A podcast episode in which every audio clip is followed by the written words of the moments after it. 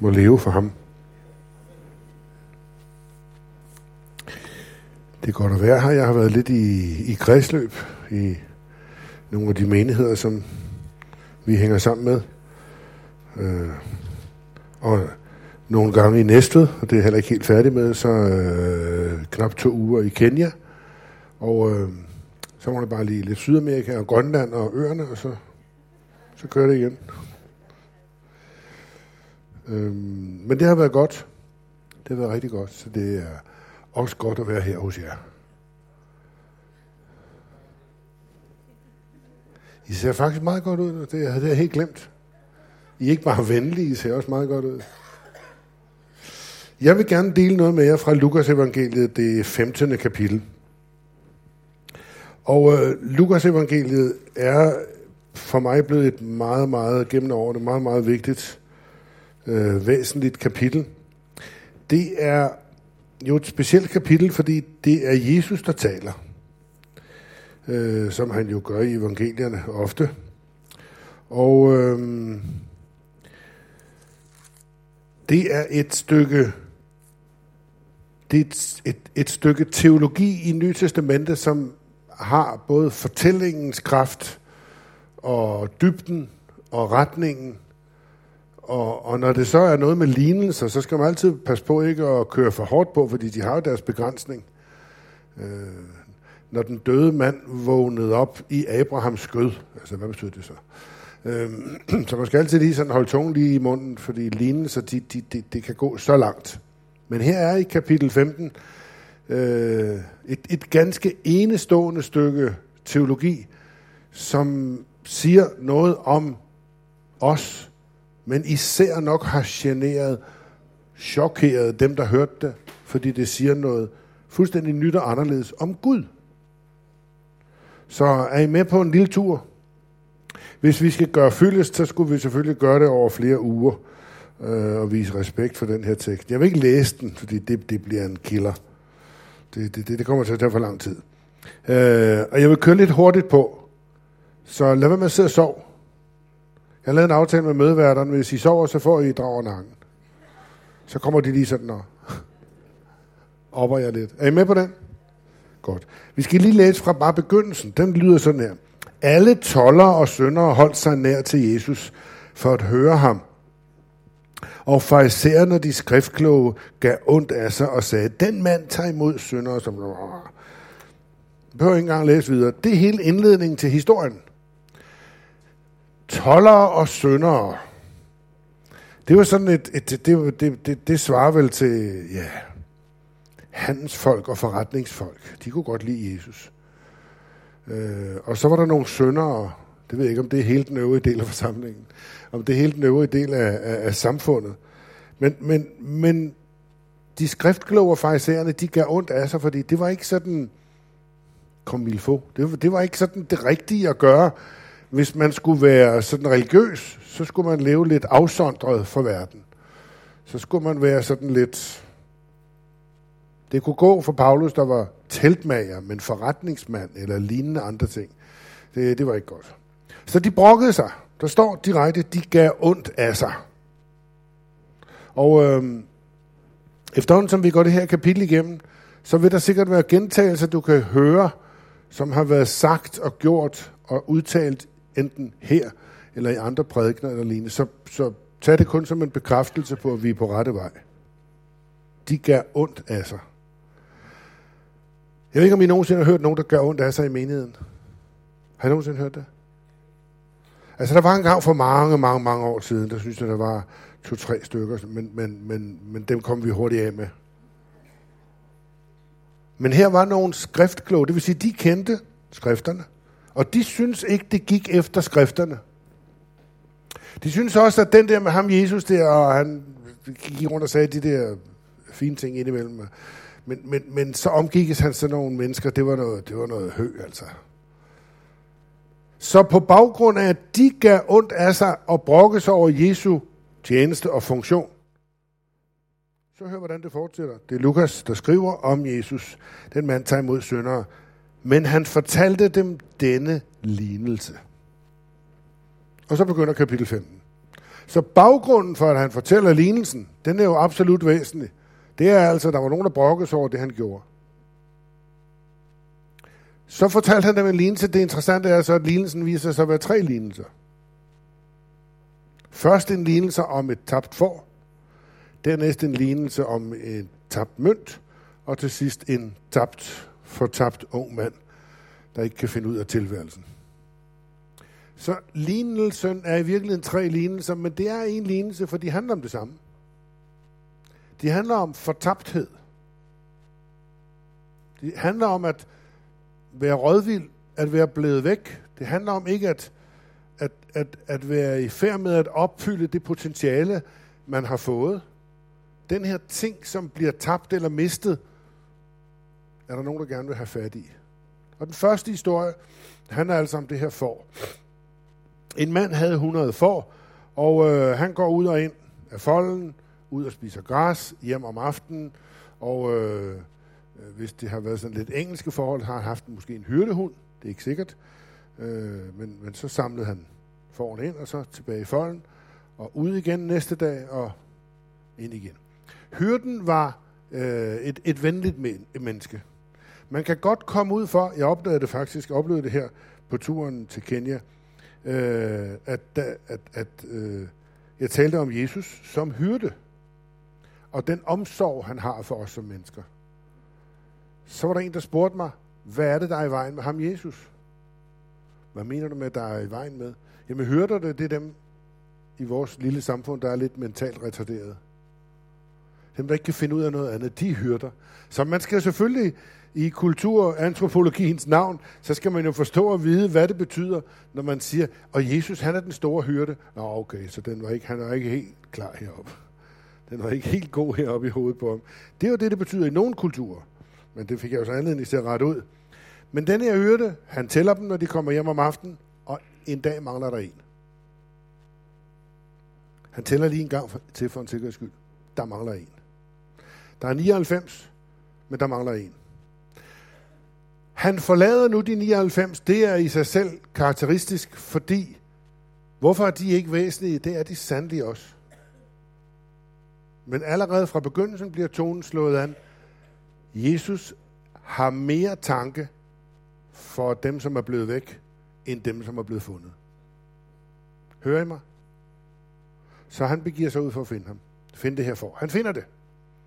Øh, jeg har to gange i mit liv været i lande, hvor får betyder rigtig meget. I Wales og i Australien. I Wales lærte jeg en interessant ting.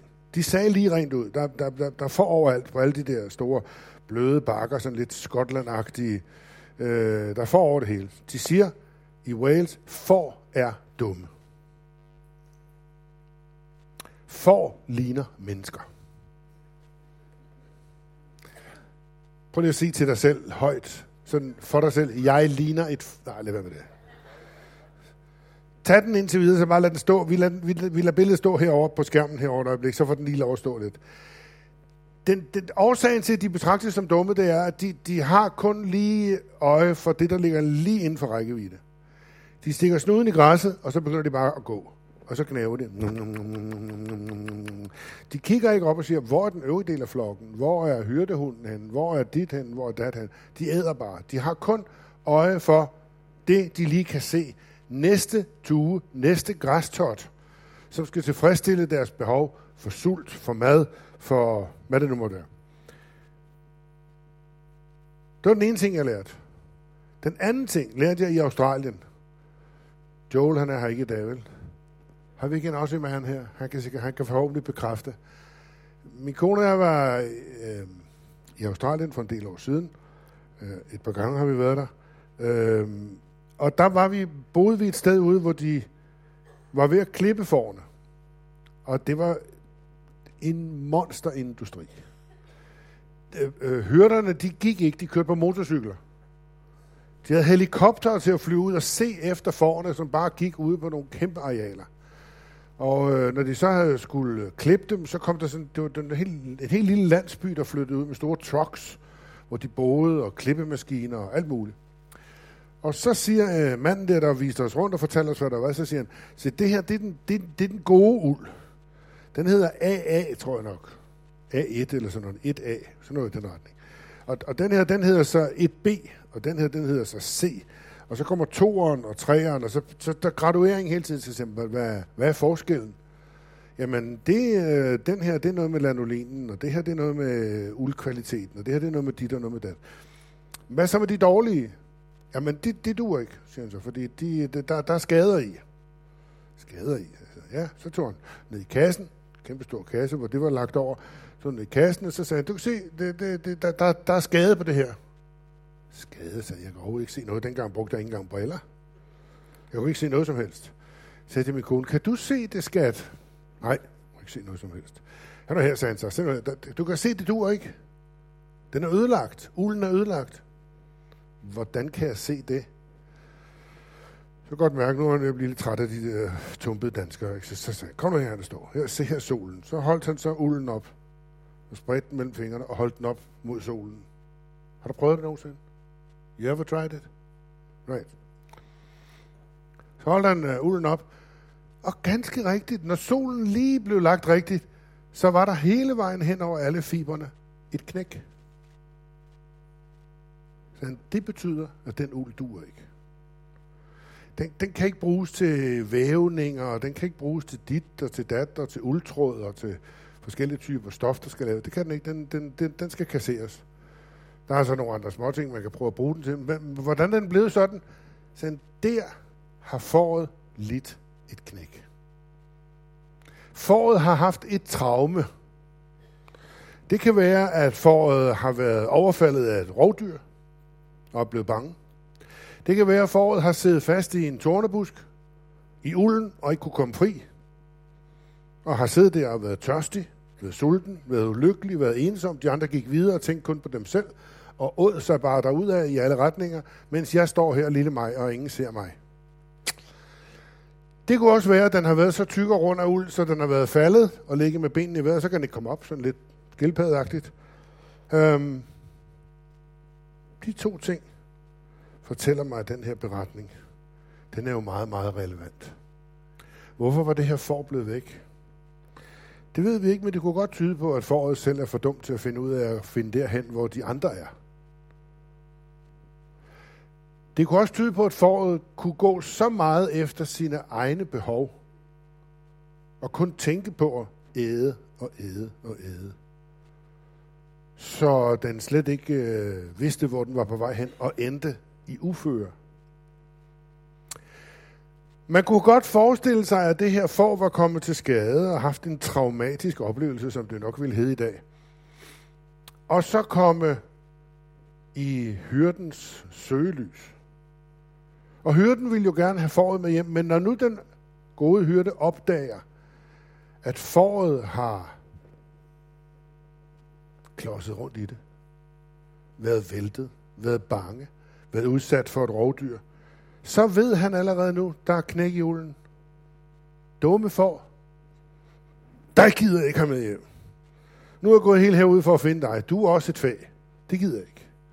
Det er simpelthen for meget. Du er for dum. Ja, for, du kan få lov at gå her, så ringer jeg til slagteren og siger, så kan han komme og hente dig. Så kan de spise dig. Vi gider ikke at have dig. Hyrden går ud og leder efter foråret. Jeg forestiller mig, at det her får virkelig har selv et ansvar for at være kommet galt afsted. Men jeg er også meget betaget af hyrden. Der står, han leder efter foråret. Prøv at finde det lille ord i jeres bibel. Ind til. Han har fundet det. Det kan ovenikøbet være, at han ikke fandt det den første dag. Det kan være, at solen gik ned, og det blev så mørkt, og han kunne ikke høre det brede, han kunne ikke høre noget, noget så han er gået hjem, og så hjem og ud igen i morgen. Hyrden bliver ved med at lede ind til han får fundet det. Godt, hvis det her får nu af dig og mig,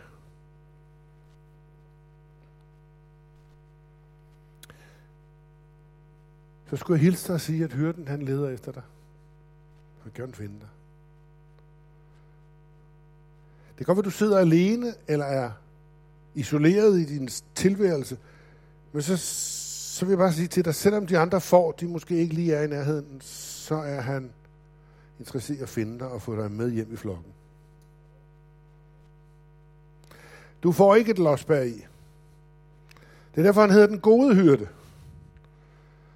Ja, det kan godt være, at du selv er skyld i det, og er gået efter det, dit hoved lige tænkte, det må da være smart.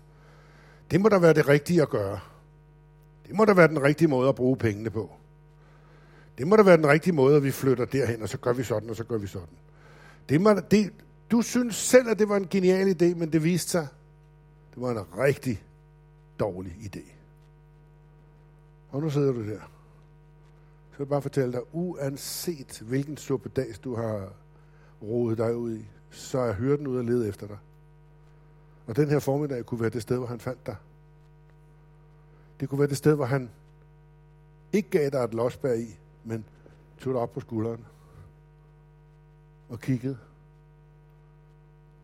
Og så begynder han at gå hjem og bære dig hjem kærlighed, i respekt, i omsorg, for han elsker dig. Amen. Sådan er den gode hyrde. Den næste lignelse handler om en dame. Denne dame, hun har en mønt af en god værdi, og hun hekser rundt derhjemme sikkert og støvsuger, gør rent og pusser vinduer, og, og pludselig opdager hun, at hendes mønt er væk.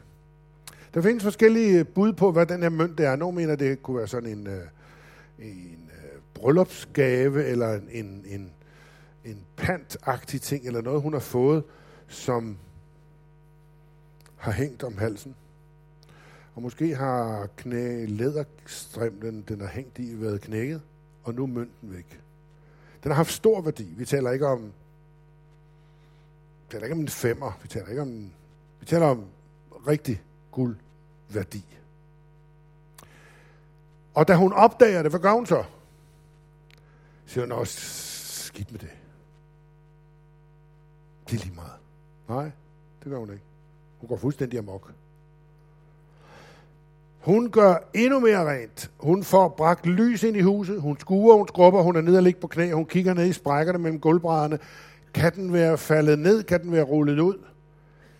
Vi ved ikke, om den har hængt om hendes hals, eller om hun har haft den i sin punkt. Måske har hun haft punkten op og ledet efter noget. Og mønten er blevet væk. Hun er ulykkelig. Hun leder desperat. Hvor længe? Indtil hun får fundet den. Hun giver ikke op og siger, at det koster lige meget. Dumme mønt. Det er heller ikke noget. Den der guldring der, som jeg fik af min mand, da vi blev gift for 35 år siden, det er da også lige meget. Skidt der med det. Nej. Den betyder meget for mig. Jeg vil gerne have fundet den. Den, den skal findes, den ring. Den skal findes, den mønt. Så i denne her historie handler det om mønten, som har en værdi. Og nu ligger den der mønt et eller andet sted, ind under et skab, nede i en revne. Hvad ved jeg? Vi ved det ikke. Men den er ikke i færd med at leve sin værdi ud. Den er ikke til gavn. Og der er mennesker, hvis liv ligger gemt et eller andet sted. Røg ned bag et skab. Forhåbentlig ikke for mennesker. Men men som mønten kunne være blevet væk et eller andet sted, og værdien af dit liv er i færd med at blive bare til ingenting. Du støver til. Du får ikke brugt det, du får ikke omsat det. Det interessante ved nummer to historie her, det er, mynten er jo ikke selv skyld i det. Der, hvor foråret måske må indkassere, det er du selv udenom. Gamle fjols. Du kunne bare have lavet være. Hvad alverden satte du alle dine penge på det, og troede, at ham der, han var så, så og så ærlig, og så var det en fidusmager, der løb med alle dine penge. Den kommer du selv til at æde, det kan vi. Vi vil gerne prøve at hjælpe dig. Vi vil gerne se, hvad vi kan gøre, men ansvaret er dit. Jamen, det er også samfundets skyld. Nej, det er ej. I det her tilfælde er det din skyld. Æd den. Se det i øjnene. Rejs dig, face the music, og så se det i øjnene, som det er. Men nummer to ting. Har I nogensinde set sådan en guldmønt hoppe op af en punkt? Det lyder lidt som pandekagen, der stak af, fordi den ikke ville spises. Ikke? Har I nogensinde set det? Jeg har nogle gange, når min kone kommer hjem på sådan en indkøbstur, og i gamle dage, da alle mand boede hjemme, der var det jo to indkøbsvogne i Bilka. Og når hun så kigger ned i pengebogen, jeg, jeg tror vidderligt nogle gange, så er pengene hoppet op og stukket af. De ville simpelthen ikke over i Bilkas kasse. Men væk var de i hvert fald. Um, jeg ved ikke, om du nogensinde har set sådan en mønt, der prøvede at stikke af. Har, har du set det nogensinde? Nej, det har du ikke. Så måske har hun været lidt sådan for rask. Lidt for hurtig. Måske har hun gjort nogle bevægelser, der ikke var helt så... Måske skulle hun, som nogle mennesker gør, når de for eksempel gør rent eller laver andre ting, så tager de lige guldringen af og lægger den. Måske skulle hun have taget den af og lagt den til side og sige, nu gør jeg rent, nu er det skue- og skrubbedag, nu bliver den lige lagt til side. Vi ved ikke lige, hvad for en slags guldmønt det var, men hun mistede den. Og det var ikke guldmøntens skyld. Det var med rette hendes skyld.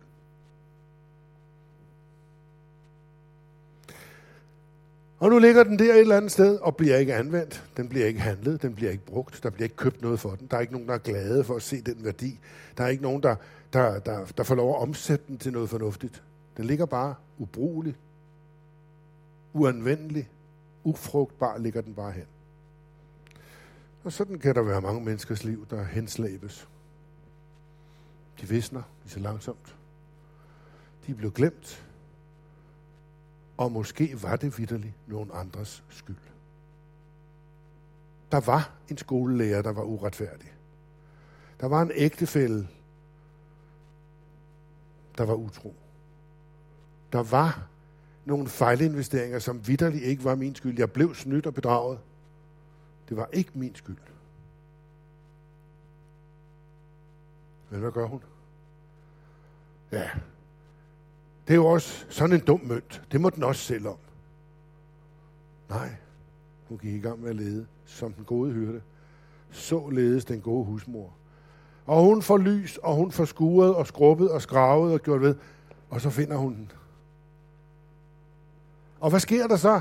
Jamen, det er jo dejligt kvindeligt islet. Så skynder hun sig at ringe efter alle naboerne, og så bruger hun alle pengene på at holde en fest, fordi hun har fundet mønten. Er det ikke fantastisk? Øhm, hun holder en kæmpe fest.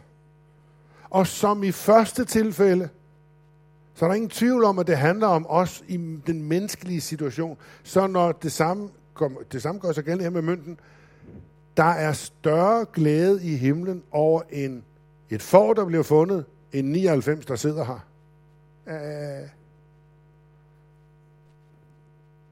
Nu bliver mønten fundet og kommer til sin ret og kan bruges og kan vises frem, eller kan bruges til smykke, eller kan købe noget, eller hvad det nu måtte være. Der er større glæde i himlen over en mønt, der er blevet fundet, og som bliver omsat. Et liv, der bliver brugt til noget gavnligt og fornuftigt, til de værdier, Gud har skabt dig med. End at bare ligge i en skuffe og være, åh, så værdifuld. Og det var min oldemors og det der, det er rigtig guld. Nå, og hvad så? Så den ligget det i 200 år, og hvad så? Hvad? Ja, men det har jo værdi. Ja, men det har det. Så tag den dog på. Så lad dog nogen se, hvor smukt det er, piger. På med guldet. På med parfumen. Lad det flyde. lad det dog blive set, lad det dog blive brugt, lad dog dit liv blive anvendt. Og jeg kan sige dig her til morgen, hvis det er dig, der er røget ind under skabet, hvis det er dig, der ligger længe ind under, ind under sengen i mørket og gemmer dig, og måske har prøvet at bede for en syg, og han blev kun endnu mere syg, og så døde han. Ja, det har jeg også prøvet. Ja.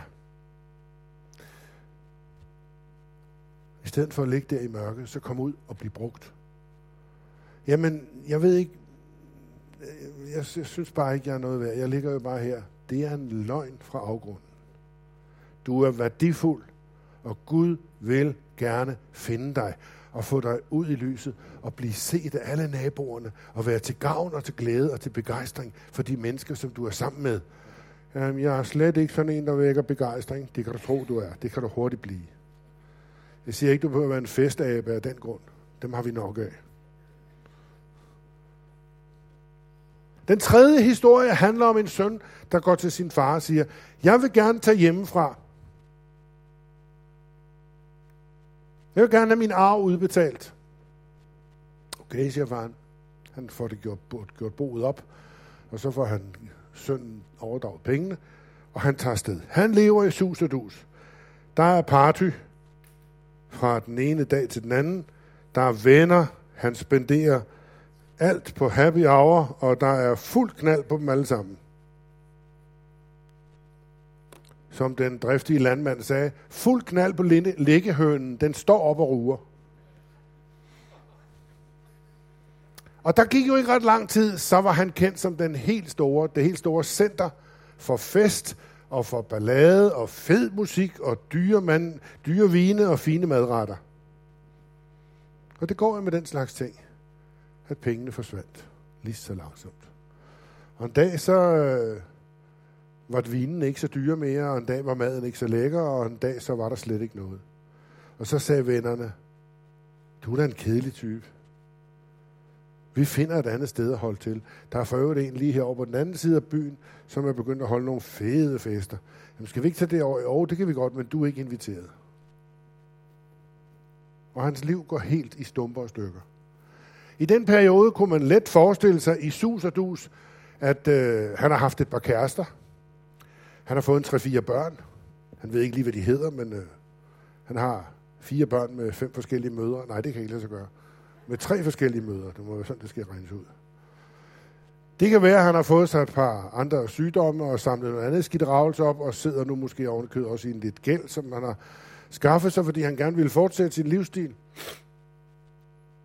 Og han ender med at have mistet bolig, arbejde, venner, penge, bankkontorer. Der var slet ikke noget med hvidvasken dengang. Det, det, det, det, det, det var helt, det var helt, det, det, det er snart den, den anden øh, øh, og Sydafrika, hende der. Øh, øh, og der sidder han så til sidst og mistet alt.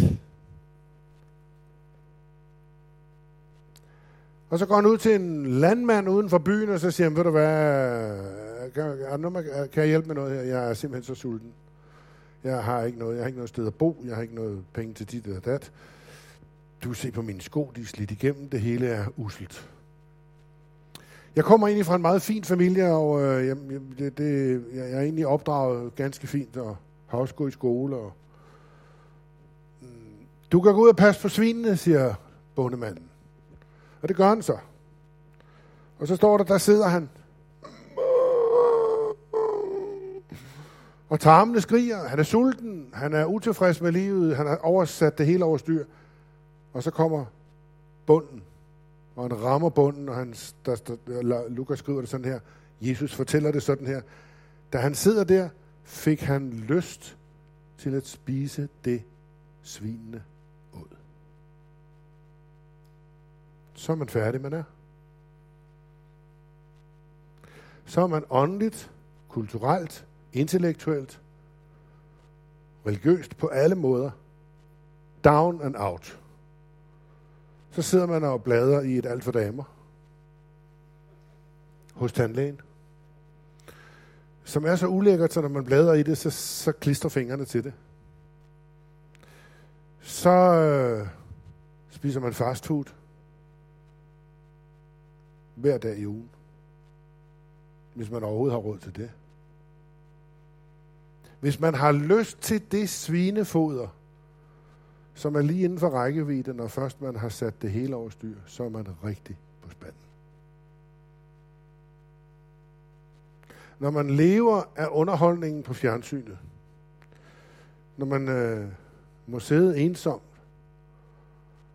og ikke engang rigtig kommer afsted i kirke,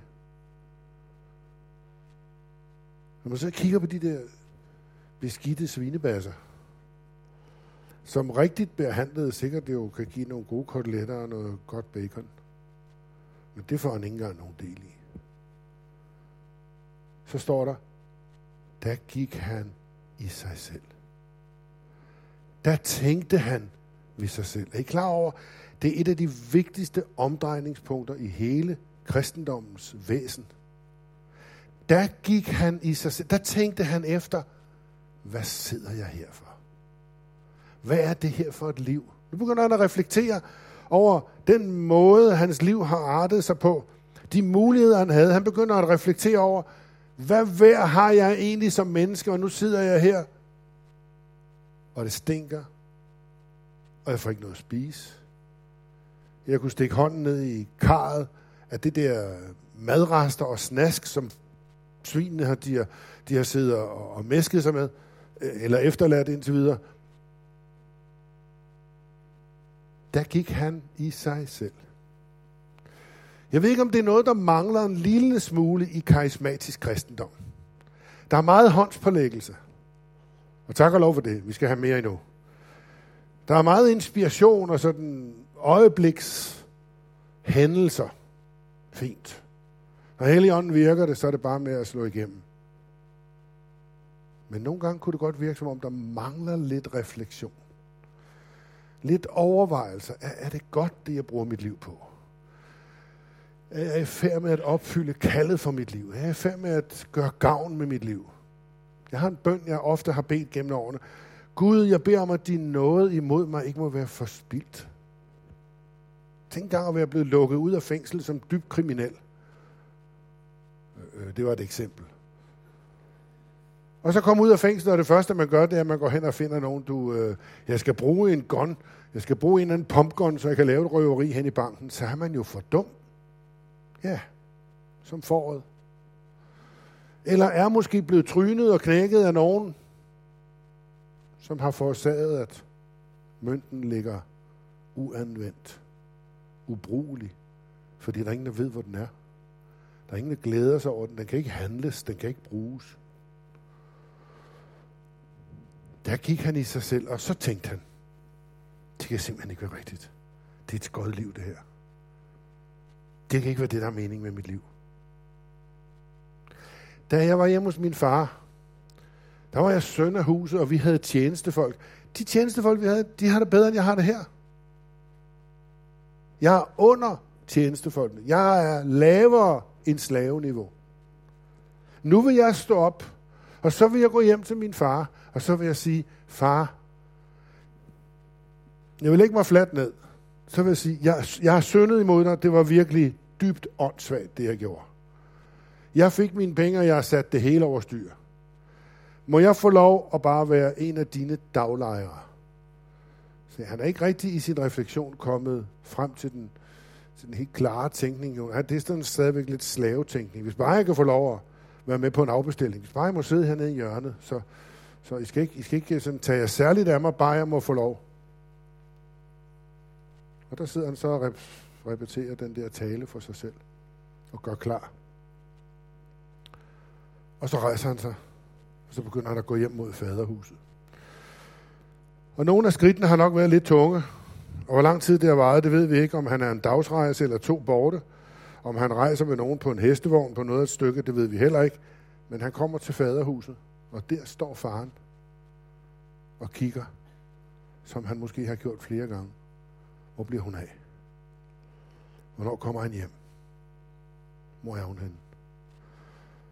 Og der er ingen tvivl om, at den del af de tre lignelser chokerer farisæerne og de skriftkloge umådeligt. Fordi i jødedommen på det tidspunkt og i gamle testamentlige religion, er det ikke sådan, man ser Gud som tilgivende og imødekommende og kærlig og venlig og opsøgende. Han er så nærmest lidt, lidt afskåret fra det hele. Han har sat det i gang, han har sine regler, de skal følges, men derudover er der ikke voldsomt meget engagement fra hans side. Nu fortæller Jesus om en far, der ser sin søn. Det er der ham. Han blev lidt ældre. Det er der ham. Og så begynder faren at løbe. Og han nærmer sig. Og så får han et knus. Et bamseknus af den anden verden. Han kunne godt have startet med at sige, prøv at høre her, møgeungen. Hvor du sat det hele over styr? Det gør han ikke. Sønnen har forberedt en tænder til, prøv at høre, jeg har virkelig klodset i det. Jeg har virkelig kvaret mig. Jeg har virkelig gjort det dumme. Jeg ved godt, jeg, jeg, jeg, jeg, jeg, I skal slet ikke tænke på noget med tilgivelse, eller, eller, eller få lov at være med. Bare jeg må være lige herovre i den ene krog. Ikke tale om, siger faren. Og tager ham ind, og de får vasket ham. Han får en fin kjortel på. Han får sko på fødderne. Slaver, de var barbenet. Han får sejlringen på, det vil sige, at han fik dankortet tilbage. Han fik mulighed for at handle og, og begå sig på farens og familiens vegne igen. Genindsat. Nu kommer den ældste søn, så siger han, far, det er da fuldstændig urimeligt. Nu kommer den møgeunge, og senere kommer han, skal han sikkert have familiesammenføring med alle sine venner og sin familie og alt det der gøjmøg, han har samlet til sig rundt omkring. Så, vil, så kommer de også og vil bo her, og så vil de alle sammen have mad, og så skal de alle sammen bruge vores badeværelse. Jamen, min søn, siger faren til den ældste søn. Du, du, det, det hele er jo dit. Det er alt sammen dit. Jamen, du, der er der ikke nogen, der holder fest for mig. Hvorfor har du ikke selv holdt en fest? Du har haft alle muligheder. Du kunne have slagtet fedekalven 50 gange de sidste 20 år. Men du sidder bare der og gør hvad? Ja, hvad gør han egentlig, den ældste søn? Han passer sit arbejde. Han er der, når kirketiden begynder. Han er trofast. Han giver en skærv til missionen. Han overfalder ikke de gamle damer på gaderne.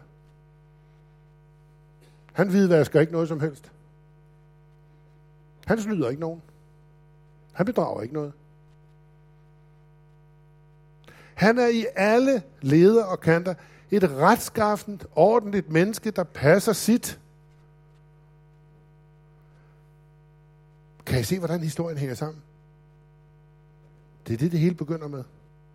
At farisæerne og de skriftkloge gør ondt af, at Jesus omgås den slags mennesker. Og nu binder Jesus knuden på, som det endelige mål med den her historie. Det handler i virkeligheden om den selvretfærdige storebror. Det handler om den glædesløse storebror. Det, glæde, det handler om ham, som aldrig holder nogen fest, mens den synds og skyld betynget, der kommer hjem, tynget over sin synd, tynget over sit vandartede liv, kommer hjem og siger, undskyld, undskyld, undskyld og det udløser et parti af dimensioner. Der er mere fest i himlen over dem, der erkender deres synd og kommer til frelse. Over dem, der bliver fundet. Over dem, der får, bliver genindsat i deres sande værdi. Der er mere fest i himlen, end over de retskaftende, fromme, farveløse, dødkedelige kristne. Så fri står for det. Så lad os dog hellere være buddhister og få nogle farver på, og noget røgelse og nogle danse. Hvad er det, der er sket? Jamen, der er jo sket det, at vi er blevet så tilfredse med vores egen frelse, at vi har glemt at forstå, hvor fantastisk frelste vi er. Hvor utrolig fortabte vi var. Vi lå der, og ingen kunne bruge os til noget, og gad ikke engang at have os med hjem. Det var lige før slagteren ikke engang gav os herres til at lave hundemad ud af os. Men den gode hyrde kom og løftede os op.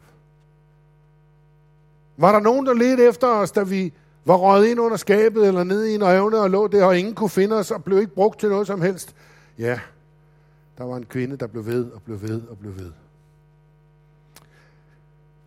Der er en gammel teologisk diskussion. Er det Gud, der finder den fortabte, eller er det den fortabte, der finder Gud? Er det ikke dejligt med sådan en beretning her? Fordi den fortæller os lidt om det, derfor jeg starter med at sige, at der er meget teologi i den her. Om frelse, om noget. I to af tilfældene er det Gud, der opsøger. I et af tilfældene er det den fortabte søn, der selv må rejse sig og gå Gud i møde. To tredjedel af din og min frelse er Gud, der leder efter os. Han søger efter dig. Men en tredjedel, det er dig, der skal sige, her er jeg. Nu kommer jeg. Jeg vil gerne frelses. Jeg vil gerne heles.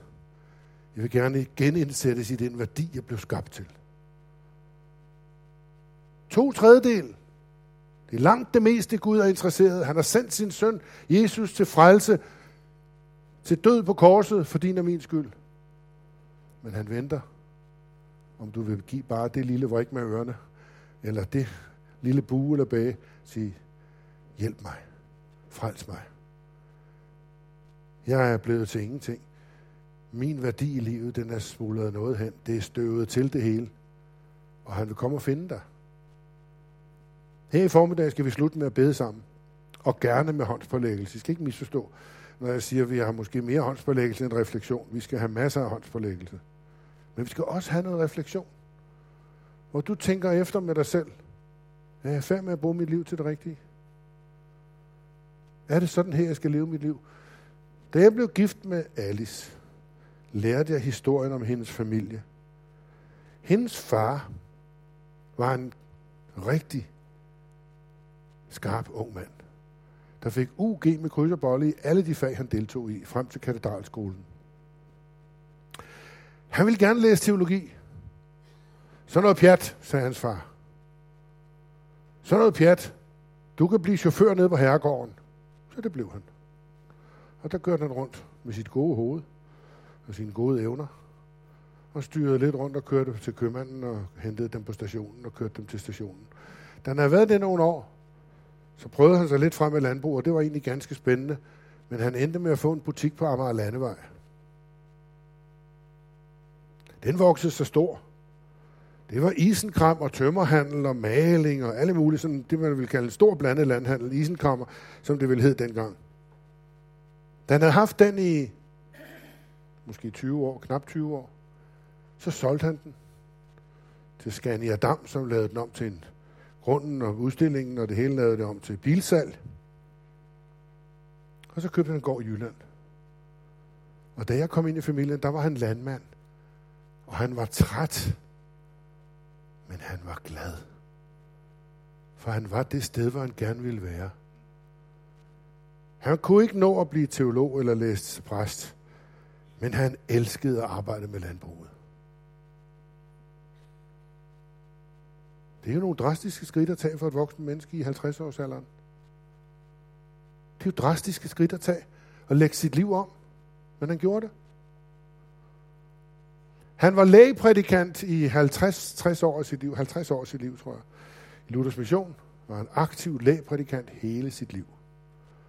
Han studerede og læste i hver en kaffepause. Morgen, middag og aften læste han bibelfortolkninger, kirkehistorie og teologi. Og så gav han det videre og realiserede den værdi, han havde til at kunne forstå og omsætte. Gør du det? Jamen, jeg er mere sådan en omsorgsperson. Jamen, er du så det? Gør du så det? Jamen, jamen, jamen, jamen jeg ved ikke. Nej. Men så rejs dig og kom tilbage til faderen, og så skal han nok hjælpe dig med at finde det, som du er værdifuld til. Det du er god til, og det du kan. Måske er det din egen skyld. Det gør Bibelen ikke så meget ud af. Måske er det nogen andres skyld. Fair and square, der var nogen, der simpelthen mishandlede dig, og det var noget møg, og det skal du ikke lastes for. Ja, det er muligt. Det gør Bibelen heller ikke så meget ud af. Bibelen gør meget ud af, at Gud kan forvandle et menneskes liv. Gud kan hele og genindsætte, og værdien kom på plads. Der er fire, der fornemmer, at det her det er godt. Må Herren være resten noget i og barmhjertig. I burde jo slå flikflak hen over gulvet af begejstring. Er det den Gud, vi kender? Ja, det er. Er det ikke bare noget, du siger, Jørgen? Du kan tro, det er noget, jeg siger, og det er noget, jeg mener, og jeg kan godt fortælle dig, det passer med det, der står i den gode bog. Jamen er Gud virkelig sådan? Ja, det er han. Og det er den Gud, vi gerne vil invitere dig til at være en del af. Det er det, vi som menighed her har på hjertet, at være sådan et sted, hvor den tanke, hvor den noget, hvor den ånd flyder fra. Så når du går hjem herfra, så er det noget, du tager med ud til en stor berøringsplade, og så kommer du tilbage og fortæller vidnesbyrdet, og så får du tanket op igen. Lad os lige lave nogle få religiøse øvelser her til sidst, for ikke at lukke øjnene alle sammen et øjeblik. Du, hvis du er et sådan et, et, et småneurotisk menneske, så tag din pengepunkt op og hold den i hånden. Det er ikke en kollekt det her, og der er ikke nogen, der vil dig noget ondt. Der kommer ikke nogen til at lide overlast. Jeg er her. Sæt dig tilbage i stolen et øjeblik.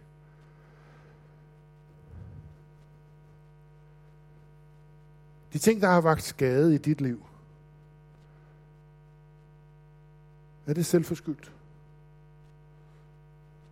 Hvis det er det, så hold lige hånden frem for dig et øjeblik. Skal ikke sige til nogen, hvad det er. Det bliver mellem dig og Gud.